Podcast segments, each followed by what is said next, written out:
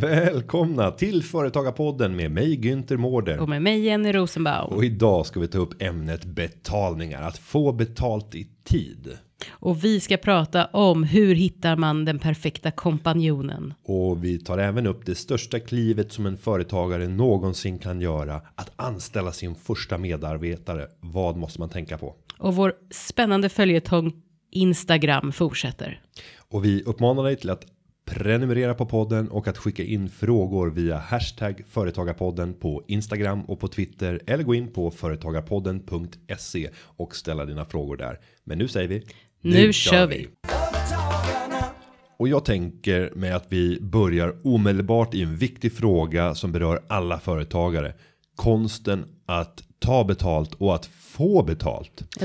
Den känns viktig. Ja, och, och vi har gjort en undersökning i eh, tidningen Företagaren som för övrigt har vunnit guld i Svenska Designpriset. Ooh. Det är också så här lite li, lite Så, eh, värdelöst. hur, många, hur många var med och tävlade? Var det bara vi? Nej, det, någon det är många liten- som är med och Ah, tävlar, men Mm. man blir jättestolt. Men egentligen så är det ju produktionsbolaget som är den stora vinnaren. Det är ju inte vi som är den stora vinnaren, för det, är Mm. design, det är ungefär som så här marknadsföringstävlingar, guldägg och liknande. Mm.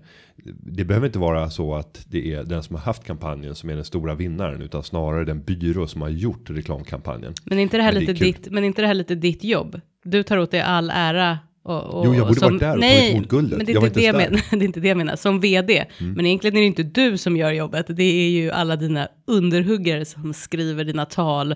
Som du liksom har övat in sen en sekund innan. Ja, Ditt det, underlag. Det är det- så det fungerar här. det är så det fungerar. Ja, ja, visst. Men när det gäller betalningar så har vi gjort en granskning Mm. och den här är lite hemsk tycker jag. För vi har gått Mhm. ut till flera av Sveriges storföretag och även Mm. myndigheter för att ställa frågor om hur snabbt betalar de sina fakturor. Och granskningen den visar att mer än vartannat företag vägrar att kommentera ens inom vilken tidsram man betalar sina fakturor. Mm. Man vill inte ens dela med sig av den uppgiften. Då känns det nog som att det är fuffens redan där. Ja, Mm. och eh, vi kan också se att betalningstiden är väldigt lång hos en rad svenska storföretag. Eh, och det är 50 stycken storföretag som har deltagit i den här undersökningen. En femtedel av alla som har besvarat enkäten har en betalningstid om cirka två månader. Två månader. Mm. Och då ska man betänka att många av de här småföretagen som ska ta betalt. Mm.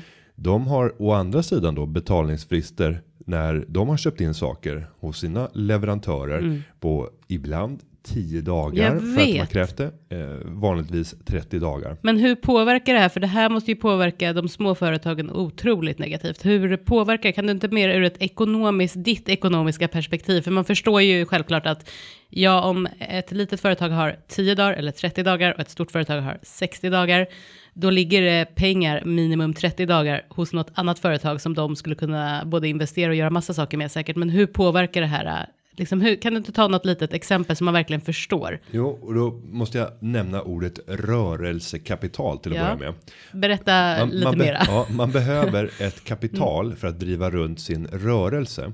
Och det kapitalet skiljer sig åt beroende på hur likviditetstoppar och dalar ser ut.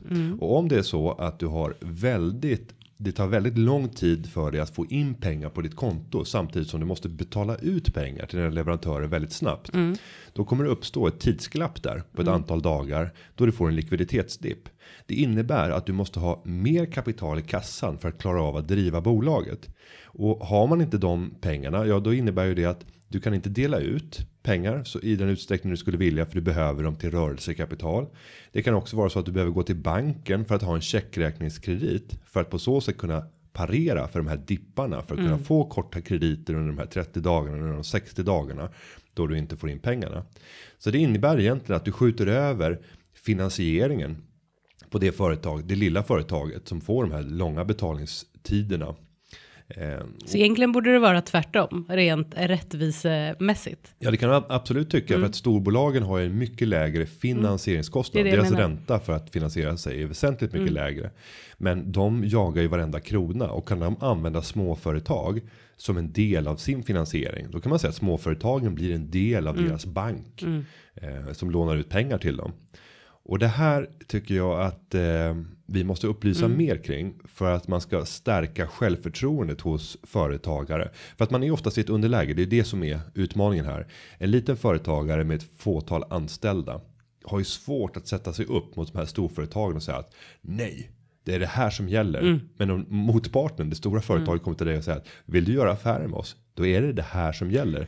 Alltså det, Jag vet, och det är samma sak som eh, vi har ganska många medlemmar som ringer in till juridiska rådgivningen och vill att man ska granska avtal. Eh, och då kan det vara ett avtal mot ett stort bolag. Och då brukar man ta in det och så läser man det och så säger man att ja, men det viktigaste i ett avtal det är att man förstår vad som gäller. Och då låter det ju så himla dumt och taskigt, för oftast är det såna här jättekonstiga klausuler som den lilla företagaren såklart vill ändra på. Så är man så här, ja du kan ju ta upp det här med det här storbolaget, men det de kommer säga det är ju att antingen gör du business med oss och då är det det här avtalet eller så gör du inte det.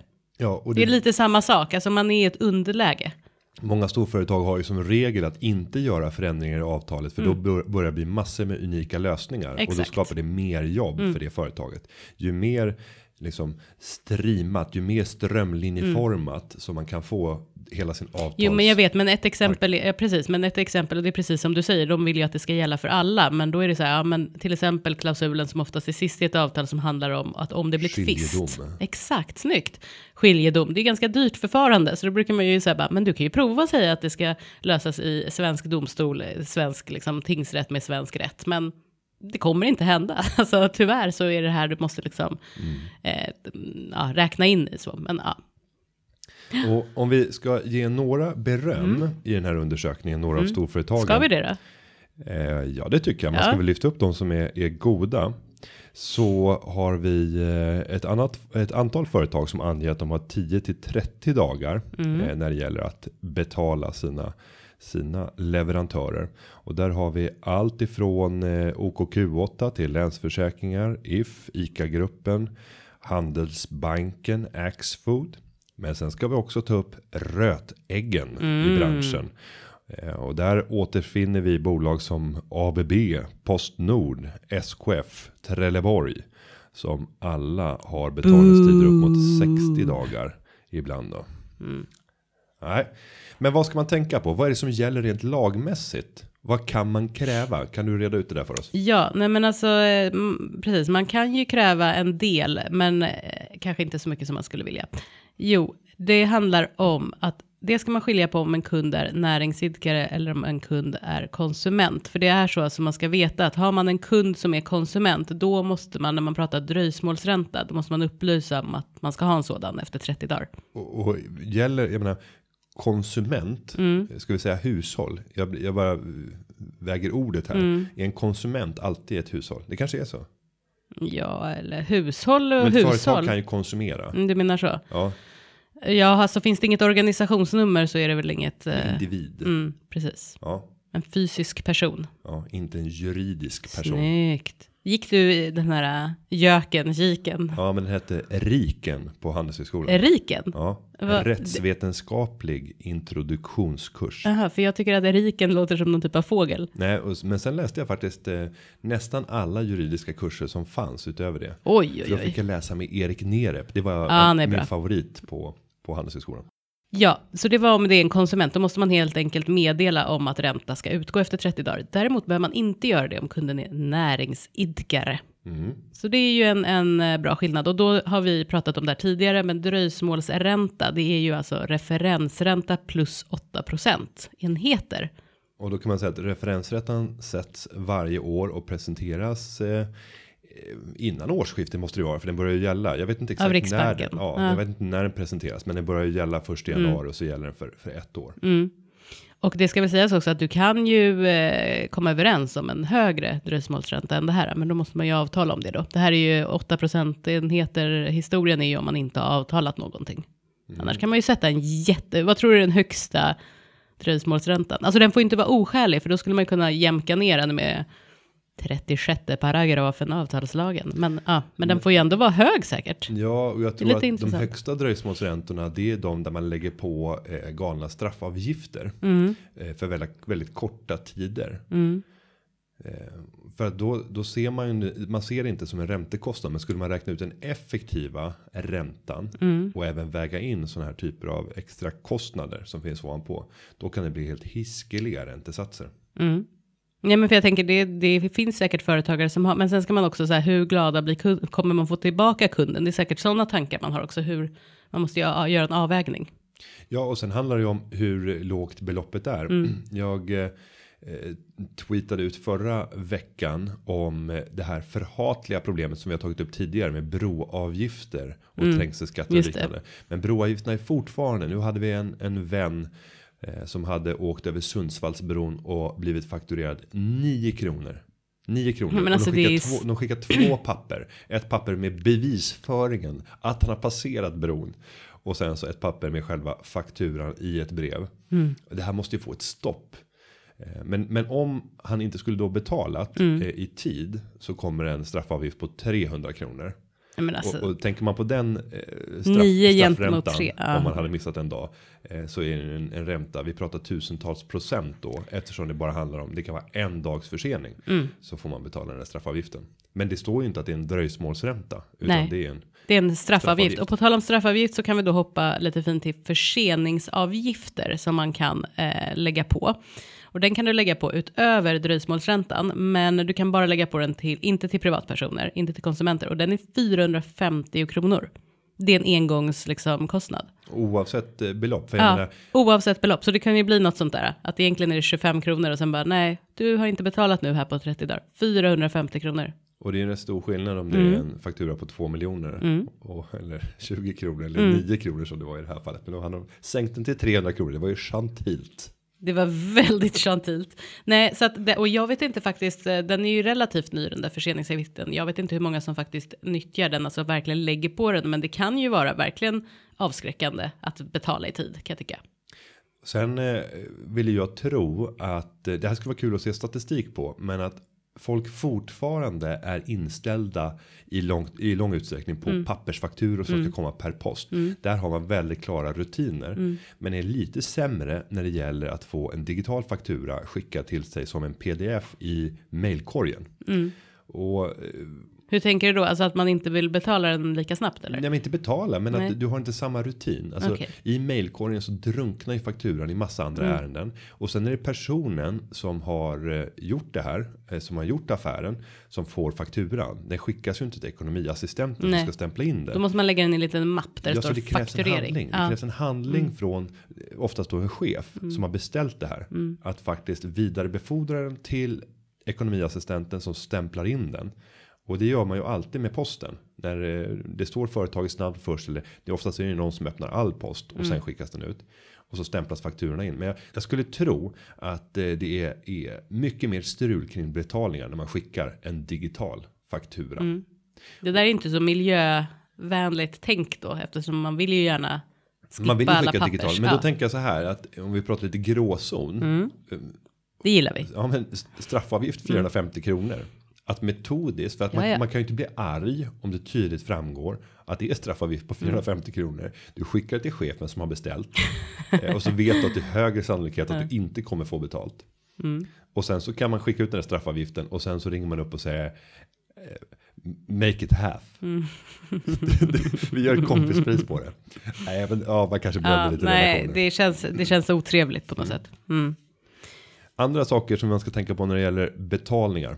En sak som kan bli lite tokigt ibland och som jag själv kan vara så här, men, men vänta, vad händer nu? Det är att vad händer om jag skickar en faktura till dig och så står det tio dagar på den, vi har inte pratat om det, och du betalar fakturan snällt och glatt. Nästa gång kan jag ta tio dagar då igen, eller vad tror du att, alltså, för det här är lite tokigt alltså. Ja, min, min uppfattning där och det jag har fått lära mig är att om du väl har betalat första fakturan på 10 dagar inom en 10 dagars frist och det stod på fakturan så är det någon form av stilla accept att det har ingått ett, ett avtal genom att du redan har agerat utifrån de förutsättningar som din motpart gav dig. Eh, Men att du hade möjligheten vid det läget Mm. att faktiskt ta kontakt och säga att nej 10 dagar. Vi betalar inte på 10 dagar. Mm. Vi har 30 dagar och därför tänker jag ändra här på fakturan och det är det som gäller framöver. Mm. Så det kan man tänka på så fort man har en ny relation. Har jag rätt här? Ja, nej, men alltså du har ändå ganska rätt. Jag tror att det är ett tyst accept, men eh, annars du, stilla var fint också. Mm. Stilla Stilla, accept. natt. Stilla Axel. Ja, det, det får vi sjunga till Lucia här snart. Nej, men gud vad roligt, du kommer ut med så här stjärngosse och sjunger den istället, helt fel. Mm. Ja. Nej, men alltså eh, det är ju så att eh, en faktura i sig är inte ett avtal, så man kan egentligen inte, precis som du säger, man kan inte skriva bara fem eller tio dagar direkt på fakturan och sen säga att nu den här första fakturan är ett avtal och varsågod och skriv under. Utan ska man ha kortare betalningsfrister då mellan konsumenter, eller förlåt, näringsidkare såklart emellan, då måste man eh, avtala om det. Däremot om man då har betalat, då har man ju accepterat på någonstans det avtalet som ändå ingicks på något sätt. Så att visst, men det är lite gråzonigt. Man skulle kunna hävda också att nej, men då vill jag ha en ny, nu vill jag inte ha det längre och så börjar man om lite. Men ja, den är lite, den är lite svår. Jag tror många gör så. De bara skickar ut på fakturan väldigt korta betalningsfrister. Men eh, ett sista avslutande tips är väl att skriva upp på ena sidan alla era leverantörer och sen på andra sidan alla era viktiga kunder. Om det, om det är hanterbart. Det går ju inte om man håller på med Mm. Jätte- konsumentbusiness. Men, eh, om man säljer små saker. Mm. Men eh, att försöka se vad är det för differenser vi har i betalningstider här. Och också ha en strategi för var, var vill vi föra det här bolaget. För att också kunna managera rörelsekapitalet. Finns det sätt som du gör att du faktiskt kan stärka upp ditt rörelsekapital genom att få betalt snabbare och betala lite långsammare än vad du gör i dagsläget. Särskilt om du ligger och betalar på 10 dagar. Då bör du agera och kanske ta en diskussion även om det är en befintlig relation att ringa upp och säga att du jag behöver göra det här. Jag kan säga även i, i mitt eget företagande där jag är ordförande. Vi håller på mycket med utskick. Postala utskick av eh, när det gäller vår marknadsföring. Och där är det ju väldigt viktigt att prata med postleverantören och tryckeriet. Kan du skjuta de, lever- eh, de betalningstiderna bara 10-20 dagar ytterligare så betyder det fantastiskt mycket eftersom en marknadsföring ska ju leda till att det rinner in pengar. Och det gör att kan du få uppåt 50-60 dagar då kommer effekten av marknadsföringen redan ha börjat visa sig på kontot och då har du betalningsmöjligheten. Annars uppstår en extrem likviditetsdipp. Så för oss är det här väldigt, väldigt viktigt. Mm. Men så också så här, man kan alltså eh, frågan är fri. Man måste ju försöka i alla fall. Inte bara acceptera. Nej, Nej. Och nu ska vi kasta oss in i den sociala mediedjungeln. Vi ska återigen få stifta bekantskap med eh, en av specialisterna på sociala medier som har det här som affärsidé att coacha andra i hur man ska agera. Han heter Alfred Appelros och kommer att ge en analys av eh, hur eh, olika aktörer jobbar på Instagram och ärligt talat jag har faktiskt bett honom att analysera mig själv. Jag är lite nervös nu. Oj, oj, oj. Så han ska Spännande. granska mitt eget konto ur en liksom. Ja, en organisationsledare. Eh, kommunicerar du på ett bra sätt? Vad hade Mm. Du göra vet ju att du gör det, så då var det ju lite... Ja, vi får se. Och Så, mm. jag har även bett honom titta på företagarnas konto och jag har även bett honom titta på andra intressanta exempel från branscher som man kanske inte förväntar sig ska vara speciellt duktiga på just Instagram. Men ni ska få höra intervjun. Vi eh, kastar oss över och eh, säger varsågod. Här kommer Alfred Appelros. Då säger vi återigen varmt välkommen till Alfred Appelros eh, som driver bolaget Get Social. Idag ska vi återigen prata Instagram och vi ska få lite tips och du ska få syna mig som person och företagarna som organisation på, på Instagram. Eh, jag är lite nervös. Är du det? Borde jag vara det? Ja, ja, men absolut. Det ska man ju vara när en sån som jag dyker ner i ens djupaste inre, alltså sociala medierna. Ja, det är sällan man, man blottar sig på det här viset Ja. inför en, en sån storhet och specialist. Ja, precis. Men eh, om jag ska berätta lite grundtanken med, med mitt Instagram. Jag började under tiden på Nordnet. Och då visste jag inte riktigt vad jag skulle eh, köra för någonting. Så det blev en blandning av liksom privat humor, det var lite från föreläsningar. Eh, så blandat finans och privatpersonen. Sen blev det också en hel del kopplat till Sparpodden såklart. Eftersom eh, det blev en, en stor succé och vi interagerade mycket med, med de lyssnarna. Eh, men jag hade svårt att hitta konceptet. Jag kan säga att jag tycker fortfarande inte riktigt att jag hittar hittat mitt, min grej. Eh, Men det har ändå vuxit och, och nu är det 3944 följare. Ni kan gå in på mitt konto och bedöma själva här. Gunter Marder i ett ord, alltså Günther Mårder utan prickar i ett ord. Men om jag bara överräcker så här, varsågod, Alfred Appelros. Vad har du att säga? Vad gör jag för rätt? Vad gör jag för fel? Ja, ehm, det är väl precis som du säger där att eh, jag skulle nog också vilja säga att du har inte riktigt hittat din lilla grej där Günther. nej. Nej, eh, så eh, den får vi försöka hitta åt dig. Och jag kan ju se det när jag börjar kolla lite statistik så där så ser jag att du har använt extremt många olika filter. Du har ingen liksom genomgående direkt taktik i eh, vilka hashtags du använder. nej.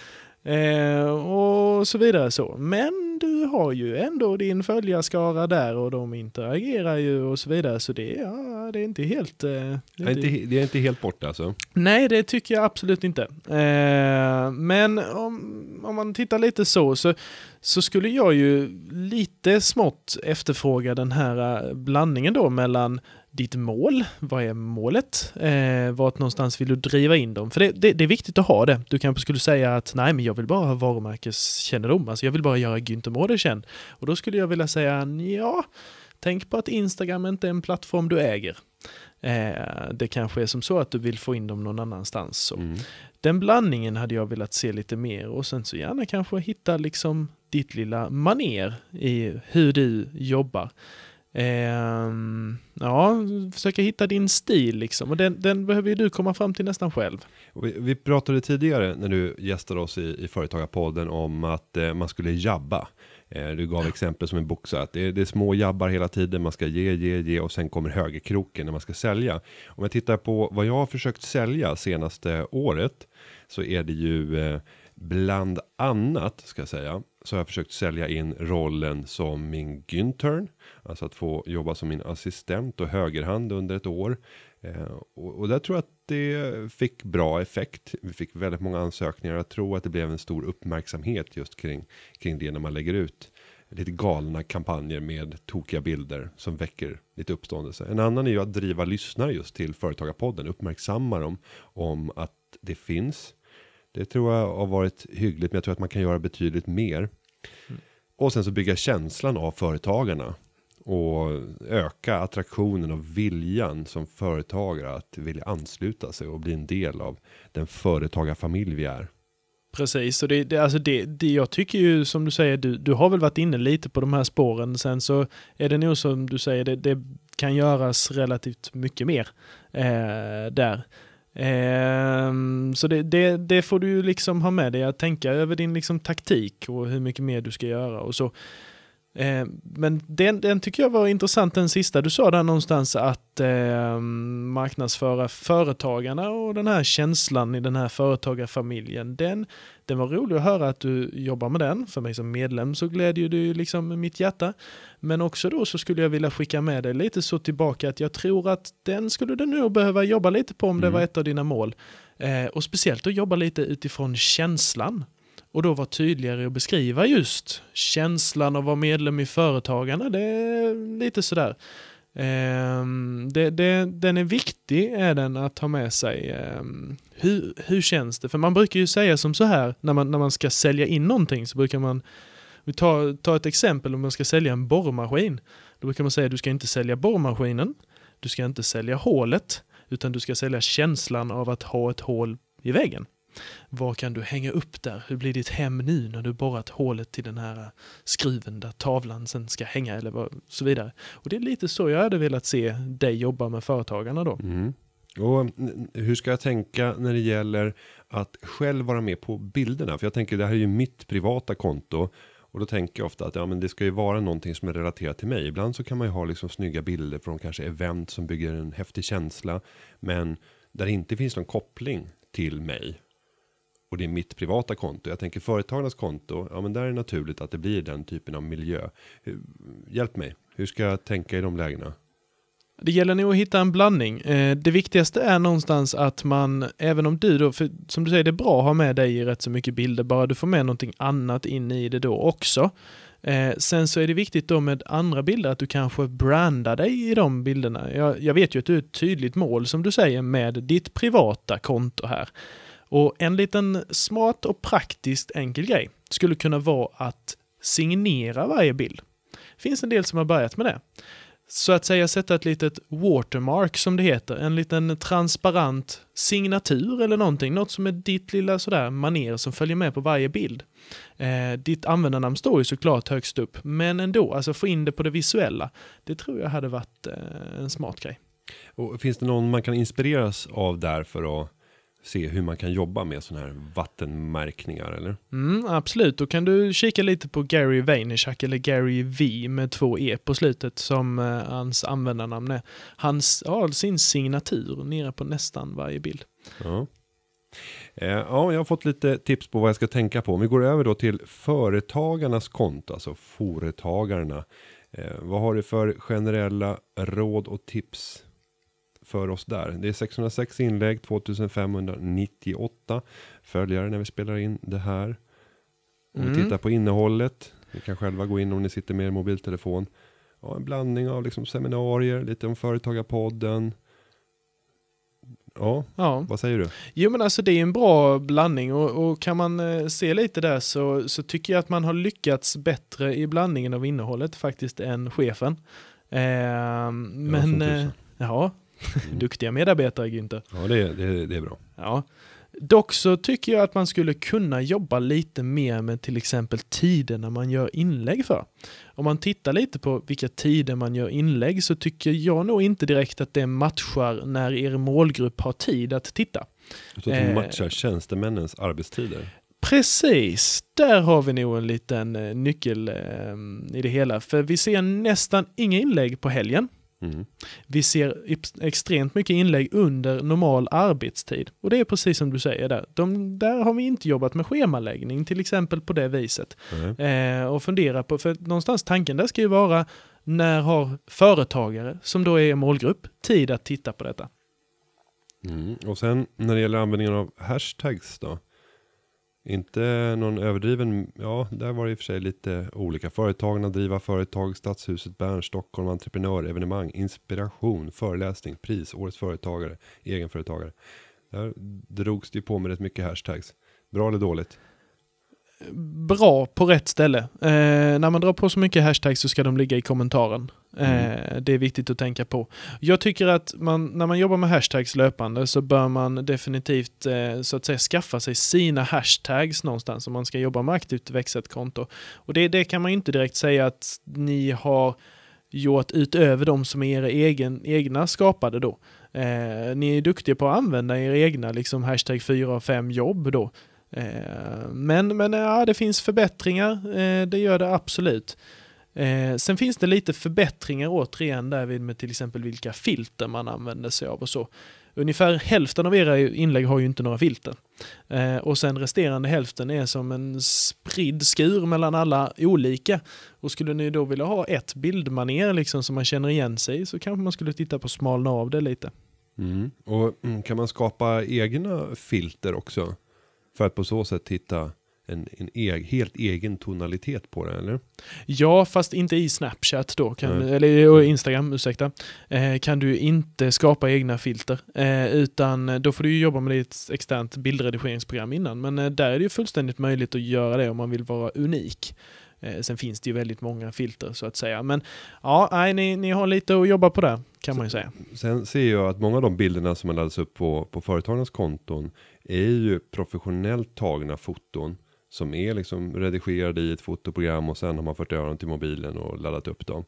För och nackdelar med det? Eh, för, fördelen är så att säga så länge det är någonting som passar in då i, i eh, Instagrams stämning så tycker jag att det är helt okej att redigera ett professionellt foto. Men, men det ska ju vara just fokus på fotot och det visuella i mångt och mycket. Eh, det, det ska ju liksom inte vara det här klassiska, så mycket text är nog eh, viktigt att inte jobba med till exempel. Och så. Så, så professionella foton, absolut. Eh, men det ska liksom passa in i sfären då, eh, Instagram. Nej, och sen tänkte jag även titta på lite andra konton och, och tacka för feedbacken där. Jag gick in och letade efter konton som egentligen inte borde ha så många följare som de har. Och då hittade jag ett som heter Saluhallen i Orsa. Som har 500 följare. Alltså en saluhall i Orsa ska väl inte ha 500 följare på Instagram? Det är, är inte det väldigt imponerande? Jo, men det, de har nog jobbat, eh, jobbat bra med det, men jag skulle nog vilja påstå att eh, det absolut, att man som saluhall i Orsa skulle kunna ha 500 följare. För någonstans, även om man inte har extremt mycket kunder, så, så länge man alltså, delar med sig av bra inspiration så skulle saluhallen i Orsa likväl kunna vara den största matinspiratören i Sverige. Ja. Eh, så, så genom att sprida detta på ett bra sätt så tycker jag nog att man kan, eh, man kan jobba med det. Eh, Det, men- det de har gjort ser jag också, det är att de har följt väldigt många, 685. Mm. Är det där en bra strategi? Att följa väldigt många, om, om man tycker att den här målgruppen som jag nu följer är relevant. Mm. Nej, men det är precis som du säger där, det måste vara en relevant målgrupp. Eh, alltså egentligen så finns det ju, det enda negativa som kan komma ut utav det, det är ju att du verkar mindre seriös. Eh, det finns någon slags sån här brytpunkt i att följa fler än som följer dig. Den, den kan ha lite negativ tonalitet i sig, eller känsla då. Eh, men eh, om man tittar på det så, så skulle man ju kunna likväl jobba med det taktiskt. Eh, att följa och sedan kanske avfölja. Ja, det kan Det var ju min, jag kan väl avslöja, det där var ju min gamla strategi på Twitter. Där hade jag ju en, en handfull kollegor i branschen, om man ska uttrycka sig så, som jag bevakade hårt och tittade på vilka har addat dem och börjat följa mina konkurrenter. För att sen så gick jag in på deras konton och började följa de som inte följde mig. Och det kunde vara upp till 200 nya personer som jag följde per dag. Och sen så lät jag det gå några dagar och jag fick en konverteringsgrad på ungefär 20% av de som jag addade. Och sen tog jag bort alla de som inte följde mig tillbaka. Och eh, det där drev tillväxten så att jag kunde ligga på en 30-40 nya följare per dag när jag låg på väsentligt lägre nivå då på Twitter på 5-6 tusen följare. Och gjorde resan upp mot 10 000 på det sättet. Det var otroligt effektivt och jag, jag fick en träff, att det blev en träffsäkerhet eftersom de som jag då rekryterade in som nya följare vill ju följa mina konkurrenter. Och därmed så borde de vara intresserade av det innehållet jag kan producera och leverera också. Just det. Men, men jag kan tänka mig att det är en och annan som tycker att det är lite lite fult eller? Det kan ju absolut anses som lite småfulspel. eh, Men, men egentligen skulle jag vilja säga som så här att det, det blir ändå inte så mycket fulspel för, för någonstans, det, det du har gjort är att du har gett dem en heads-up om att du finns. Det är det du gör när du Mm. följer någon.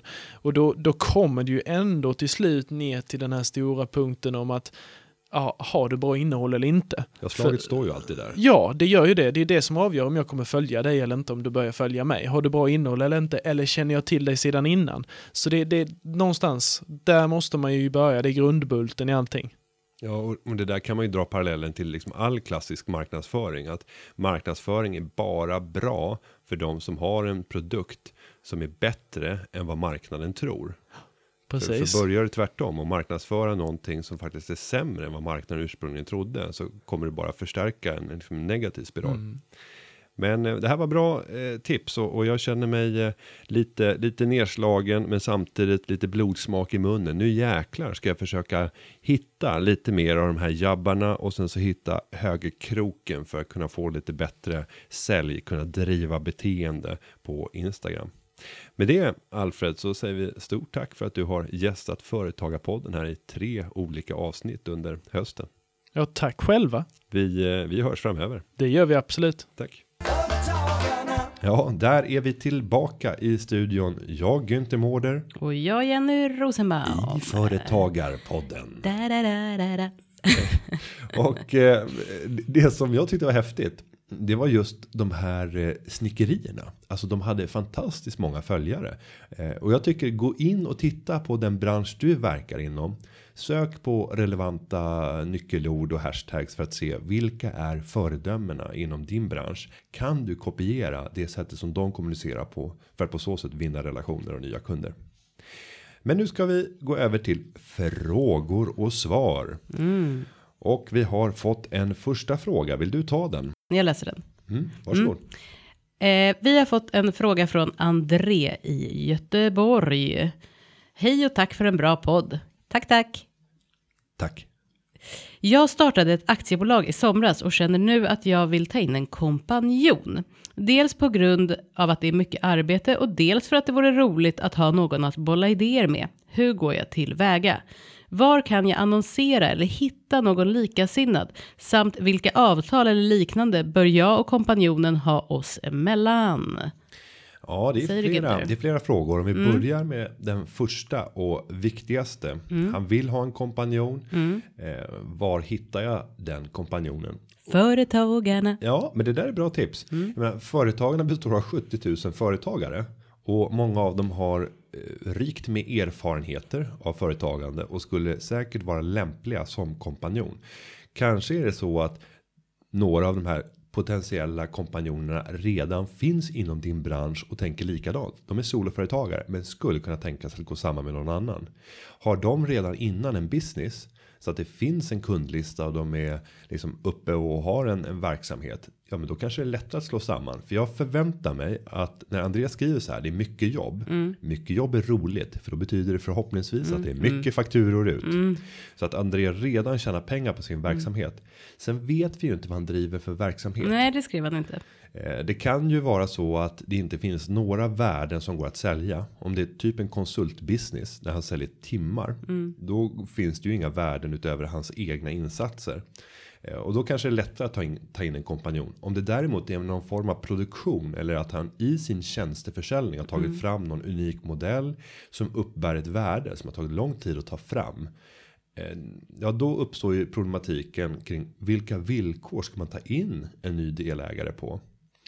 Så att det första hur man ska hitta den här delägaren det är att leta inom den sektor du är verksam. Gå ut och ja, jag skulle kunna tipsa om företagarnas affärsnätverk. Det är en digi- ett digitalt affärsnätverk där alla företagare som är medlemmar finns registrerade. Alla har inte uppdaterat sin profil och, och fortsatt beskriva sig djupare utan har bara grundfaktan. Men där kan man hitta andra medlemmar som är eh, är engagerade på inom samma bransch eller mot samma kunder som du. Och hur ska man ta kontakt med dem? Alltså ska man... eh, Ja, där finns ju kontaktuppgifter. Så Ja, jag man tycker. tar ett samtal. Ja, ba- bara presentera sig och säga att jag skulle gärna ta en, en fika. Man vill inte liksom vara den här, det är ju lite som en dejt. Man vill inte vara den här påstridiga så bara du, vill du, är du intresserad av att bli min kompanjon? Så bara. Nej, men om man börjar med att göra ett litet prospekt Ja. och det låter ju väldigt ambitiöst. Oh, I det här fallet så handlar det Otroligt. egentligen om ett personligt brev. Mm. Att bara skriva ner sin story. Det här är jag, det Mm. här har jag gjort. Eh, det här kan jag fortsätta göra, men jag vill göra det tillsammans med någon annan. Mm. Så att man har ett underlag som man omedelbart kan skicka över efter ett sånt här pitch-samtal. För att det är klart att man blir överrumplad. Mm. Ja, man ska inte, det är det med, ja, man blir och- chockad. Och ringer så. på Ja. det sättet. Ska, ska vi starta företag tillsammans? Nej, papp, papp, papp, papp, papp, papp, papp, Sakta i backarna. Ja, ja, men det är, det, det är lite framfusigt så kan det ju vara. Ja, Mm. men går man på företagarnas aktiviteter, alla de evenemang och träffar Mm. som arrangeras och det är 1500 träffar per år. Då får man ju också träffa många andra företagare. Mm. Om det är så att man reser till andra lokalföreningar. Då tycker jag att man i samband med det ska ta kontakt med ordförande för lokalföreningen och säga att jag kommer resa till er träff och skulle jag kunna få 35 sekunder i inledningen och bara presentera mig och säga varför jag har kommit till den här lokalföreningen. Eh, Och de flesta kommer tycka att det är jätteroligt att det kommer företagarmedlemmar från andra lokalföreningar för att presentera sig och också vill göra affärer, hitta nya partners. Eh, Så att eh, det är ett bra tips. Sen är det att alltid vara öppen med det. Så att slänga ut den här viljeyttringen till så många som möjligt i alla tänkbara situationer. Att man letar efter en kompanjon som vill driva det här tillsammans. Och gör också en plan för vad du ser är möjligt om man skulle vara två starka krafter. Eh, Så att man visar vad skulle vi kunna göra tillsammans om jag stärkte upp de egenskaper där jag är svag på. Och det där är väl också en sån där dimension som jag tycker man ska tänka på att att om du ska rekrytera in- en kompanjon då är det väldigt viktigt att den personen har egenskaper som du inte besitter och vice versa. Men eh, nu, nu bara får jag en tanke här. Alltså det, vi pratade i något avsnitt om, eh, det var någon som ville ta över ett företag och då var det lite samma fråga så här, men eh, finns det någon som annonserar? Och då var det lite så här, nej det är väl lite hysch på olika små, Mm. små platser att man inte vill liksom säga att man ska sälja sitt företag. Men vi pratar ändå om företagsmäklare och så vidare.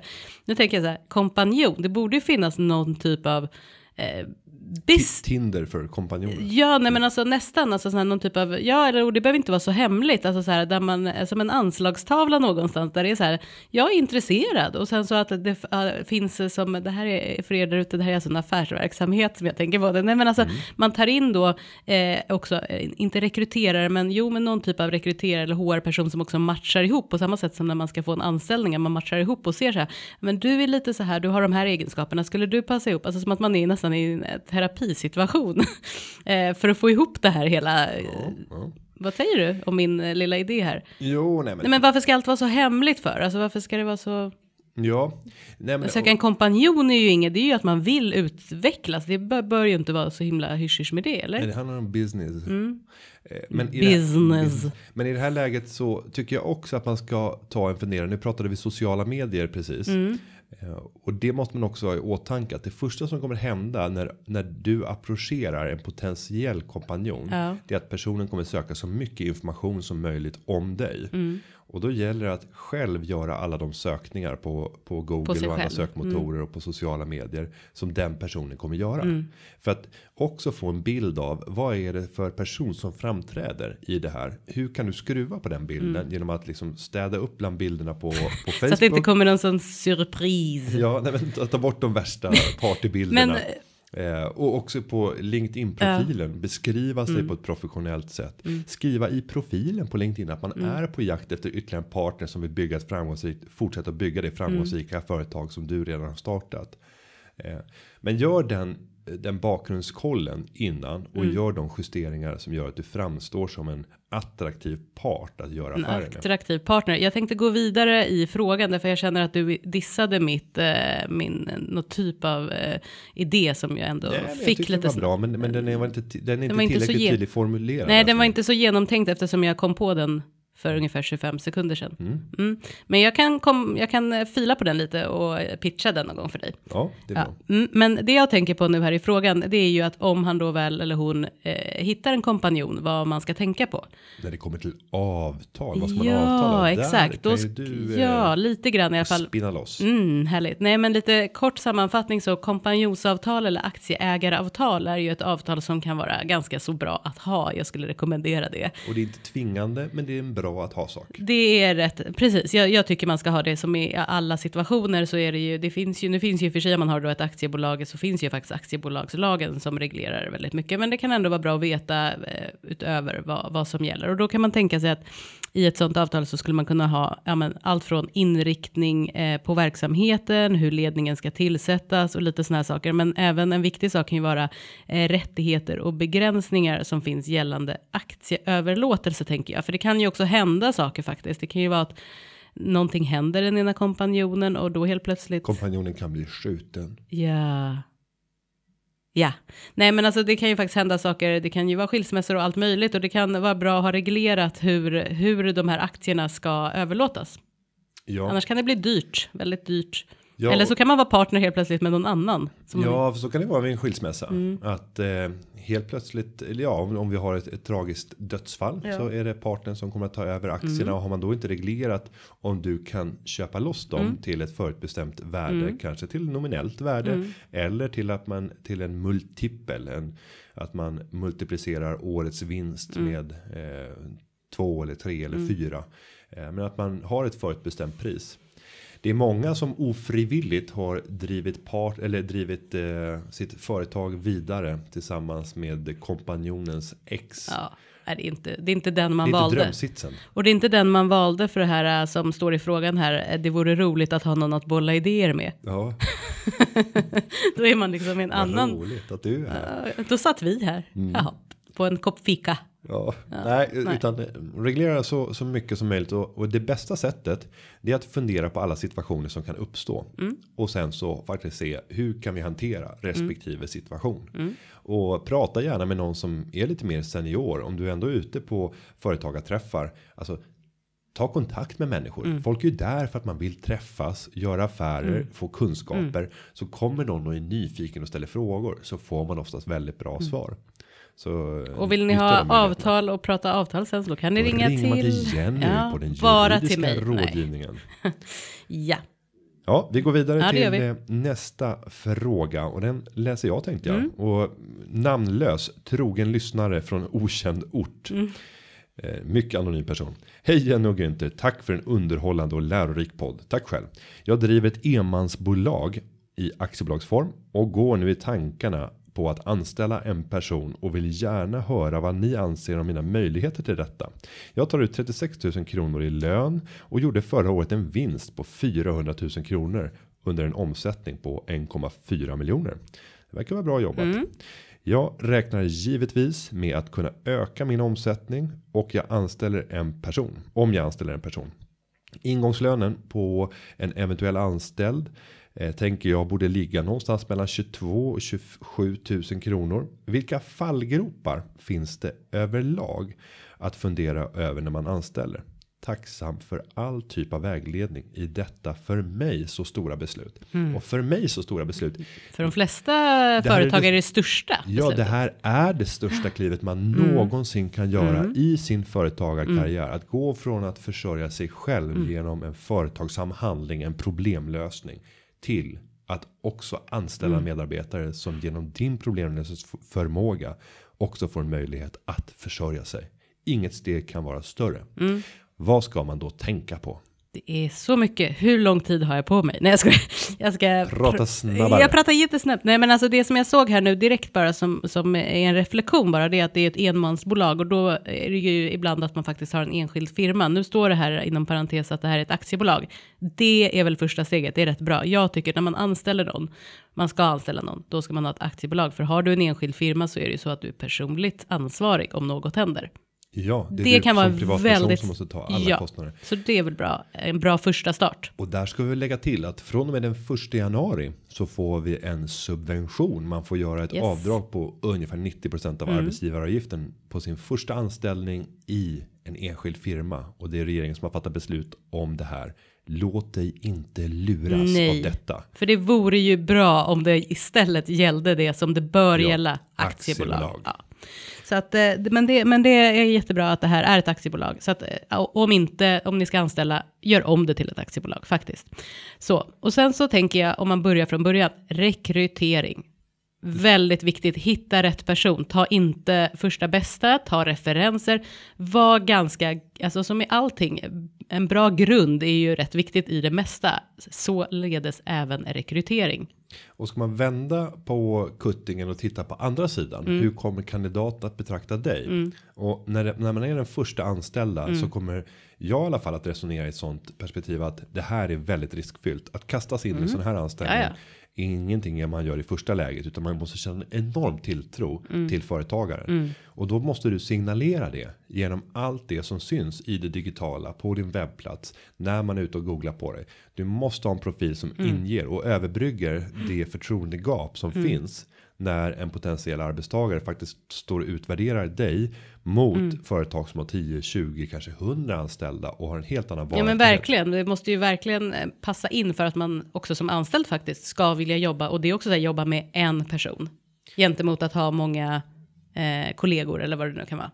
Men låt oss säga nu att vi har, vi har hittat Mm. Vi rätt hittat rätt, person. ja, vi har hittat rätt Och person. det tog lång tid. Det tog väldigt lång tid, vi tog många referenser och det var en riktig matchning. Men det här verkar bra. Så Det här nu vill verkar vi bra. hitta ett bra förhållande. Vad är det vi ska tänka på Då avtalsmässigt nu? ja, och då tänker jag precis avtalsmässigt. Skriv ett avtal, utropstecken. För det är så många, alltså det låter ju nu när vi pratar och det är liksom så här, men det är så många som inte har avtal. Alltså verkligen. Så att eh, nummer ett, skriv ett avtal. Och då tänker jag nummer två, vad är det för avtal vi ska skriva? Jo, vi ska skriva ett anställningsavtal. Men vad för anställningsavtal? Ja, och vi ska säga att eh, när du ska skriva ett avtal Mm. och du känner så här, åh, hur skriver man ett avtal? Då har vi färdiga mallar. Ja, Som vi också kan ja, och som vi också faktiskt kan diskutera runt. För oftast när man bara tar mallar någonstans så förstår man ju inte hur man ska fylla i den här mallen Nej. alltid. Och det säger jag inte bara för att det är, man, någon ska tjäna pengar på mall. Alltså det är faktiskt att man ska tjäna pengar på timmar runt omkring. Utan det är faktiskt så att just, de, just anställningsavtalet, det är så viktigt att det blir rätt. Det är Nej, faktiskt att, det. Mm. vid första anställningen då är det då du ska lägga strukturen för Japp. den framtid som förhoppningsvis innebär fler anställningar. Mm. Så lägg lite extra tid på att ta fram ett avtal som känns rimligt så att du inte sitter när du har fyra anställda med fyra olika Nej, anställningsavtal. precis. Det blir en ohanterlig Absolut. situation. Så att, eh, och då för att, vi ska vi inte gå igenom alla anställningsformer nu tycker jag, utan jag säger att om det är så att man ska i den här frågan och den här typen av rekrytering så skulle jag säga absolut ha en provanställning och en provanställning är ju en anställningsform som är max sex månader där eh, man är till. Det är till för att pröva personen och alltså åt båda hållen passar vi ihop så att säga. Gör man inte det, då är det väldigt lätt att avbryta eh, en sådan anställning eller att eh, säga att den inte ska, alltså den upphör vid slutet. Det är två veckors uppsägningstid, det vill säga man måste underrätta personen två veckor innan. Man betalar en uppsägningslön eller vad man nu ska säga att det är på två veckor. Personen jobbar kvar och sen är det inte så mycket mer med det, men det är väldigt viktigt att göra det här. Är personen med i facket, då måste man skicka en kopia på eh, uppsägningen till facket och man behöver inte så att säga förhandla det här. Det, man behöver alltså inte säga upp och ange skäl till varför. Eh, som i vanliga fall. Är det ju arbetsbrist eller personliga skäl du vet. Men nu är det bara att. Och sen när man anställer sin första medarbetare då är det någon mer som vill ha reda på att du har anställt. Ja, du vill att jag ska hoppa vidare förstår jag. Jag kan prata i det oändliga om Ja, men, du, detta. ja, men vill du Ja, fortsätta nej, när det gäller avtalsdelen? Nej, nej, nej, jag, jag, nej, absolut inte. Det var jättebra. Det, eh, det som man också ska göra, som Günther menar, det är att man ska eh, rek, eh, registrera sig som arbetsgivare på Skatteverket. Mm. Det är bra. Och sen kan man också, ska jag säga, eh, eh, gå in på verksamt.se. De har, tror jag, en sån här snurra, om jag inte missminner mig, där man kan fylla i. För nu stod det ju här i frågan att 22 till 27 000 kronor eh, vill man ha ut som lön. Då är det ju inte det det kostar såklart för arbetsgivaren. Jag tror faktiskt att man kan se där vad den faktiska kostnaden är, för det är min sista punkt. Det är kostnad för en anställd, till exempel blir personen sjuk, du har en anställd, alltså det är ju faktiskt du som arbetsgivare som betalar 13 dagar, så du ska ju ha eh, detta i bakhuvudet faktiskt, och det är därför ofta, det, det är en stor kostnad. Ja, och allt sånt här måste man ju väga in i den totala lönekostnaden så att du parerar så att du inte ligger på marginalen. Mm. Exakt. Utan du måste även ha med semesterersättning. Tänka Exakt. på de 12 procenten. Exakt. Och sådana här oförutsedda saker som kan hända som innebär att du måste jobba dubbelt för Ja men att precis. finansiera ytterligare en person. Sen finns det en sak till som man skulle kunna ta upp, det tänker jag bolla över till dig, försäkringar, vad tycker du, vad tycker, tycker du, vad tycker vi ska gälla där? Nej, men där måste man ju resonera med sig själv vilka möjligheter man har Mm. att betala. Jag menar, till att börja med ska du ha de försäkringar som behövs Mm. för att ge skydd till den anställde. Eh, Det är liksom ett grundkrav tycker jag så Mm. att man inte har osäkerhetsmoment där. Men därtill så har du ju även försäkringsmoment i form av tjänstepension. Och där kan det ju vara en, en stor utmaning om du har en medarbetare som kanske är ung och inte tänker på pension. Och kanske inte uppskattar en 1000 kronor i tjänstepension speciellt mycket. Utan skulle bli dunderglad om personen fick 1000 kronor mer i lön. Så där tycker man ska ta res, ett resonemang med eh, personen i fråga. Och titta på vilka ekonomiska möjligheter. Men att det finns en medvetenhet kring varför har jag valt en linje som jag, som jag gör. Ehm, så att ehm, eh, sen hoppas ju vi att kunna komma ut med ett kan man säga ett, ett ramverk för vad är schyssta villkor och därför kommer företagarna kvartal 1 att lansera vad vi kallar företagarnas ansvarskod som innebär ungefär ett sjusidigt dokument skrivet på begriplig svenska i jämförelse med kollektivavtalen som ibland kan vara 70 sidor långa. Eh, Men där vi dels tar upp de saker i lag som man kanske egentligen inte hade behövt skriva i ett avtal, men där vi vet att många begår misstag. Det återupprepar vi i det här avtalet för att påminna företagaren om viktiga saker. Men det finns också regleringar kopplade till försäkringar och när det gäller till tjänstepension. Eh, väljer man att anta det avtalet så skulle jag hävda att ja, då erbjuder man schyssta villkor och då är det ingen som kan komma och peka på det och säga att den där arbetsgivaren, den där företagaren är inte schysst mot sina anställda. Så det är ett alternativ, alternativ för alla de som inte vill ha kollektivavtal. Och vi ska vara ärliga och säga att majoriteten av alla företagare vill inte ha kollektivavtal. 6 av 10 ratar kollektivavtal idag av de företagare som har anställda. Och det där är ett jätteproblem. Ja, det kan ju finnas många anledningar till det. Jag tror ju personligen att en av anledningarna är just att ett kollektivavtal känns, alltså det är ju till för kollektivet. Har man två till tre anställda eller fem anställda, det är liksom, det, det blir väldigt mycket formalia och så runt omkring ett sånt, Jo, en sån det typ där- av avtal? Det där är utmaningen om vi tittar då för facken och för arbetsgivarorganisationerna så måste de vakna nu Mm. och titta på vad är det som håller på att hända i Sverige. Det är inte storföretag som Nej. skapar jobb utan det är fyra av fem nya jobb som skapas i småföretag. Mm. Då måste man komma upp med nya typer av avtal som känns relevanta Mm. och attraktiva både för arbetstagare och för arbetsgivare i de små företagen Mm. som idag växer och skapar tillväxten i ekonomin. Så att det är liksom ett medskick. Företagen tar fram den här ansvarskoden för att parterna i det här segmentet fullständigt har misslyckats. Mm. De sitter fortfarande i en föreställning om att Sverige ser ut som det gjorde på 70-talet. Så att det här nu sparkar jag hårt Nu är det dags. Ja. Ja, Ja, men- väldigt hårt. Men vi hoppas, det var en liten avstickare, men vi hoppas att den trogna lyssnaren ändå var nöjd med sitt svar. Ja, jag hoppas det. Mm. Och som liten cliffhanger till nästa vecka Mm. så kan vi säga att då kommer vi att göra en fördjupning i ett nytt socialt media. Vi pratar om LinkedIn. LinkedIn. Och vi kommer få möta en av specialisterna som utbildar, inspirerar och coachar företagare som heter Peter Mörling. Och han kommer bjuda på värdefulla LinkedIn tips och han kommer berätta när det är intressant att använda LinkedIn i försäljning, i rekryteringssammanhang och i skapandet av ett starkare varumärke. Och han Man kommer, kan säga att han älskade LinkedIn. det kan man verkligen Ja. göra. Så eh, vill du lära dig mer om hur du kan göra bra affärer, rekrytera bättre medarbetare än vad du har idag. Då, då ska du lyssna på Tagarpodden Företagarpodden. nästa vecka. Ja. Och eh, glöm inte att prenumerera på podden på iTunes eller din podcastläsare eller på Soundcloud. Och ge oss gärna ett betyg om du gillar oss. Och Och glöm inte frågor, skicka in frågor, det är så kul. absolut, använd hashtag företagarpodden på Instagram och på Twitter. Eller gå in på företagarpodden.se utan prickar ovanpå. Eh, och ställ din fråga så är du med och skapar programmet. Med det Jenny. Så är det läge att knyta ihop säcken och säga att eh, Företagarpodden har klippts av Gustav Dalesjö. Vi hörs nästa vecka. Det gör vi. Hej då! Hej, hej.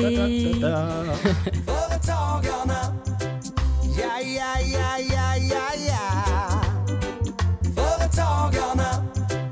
Ja, ja, ja, ja.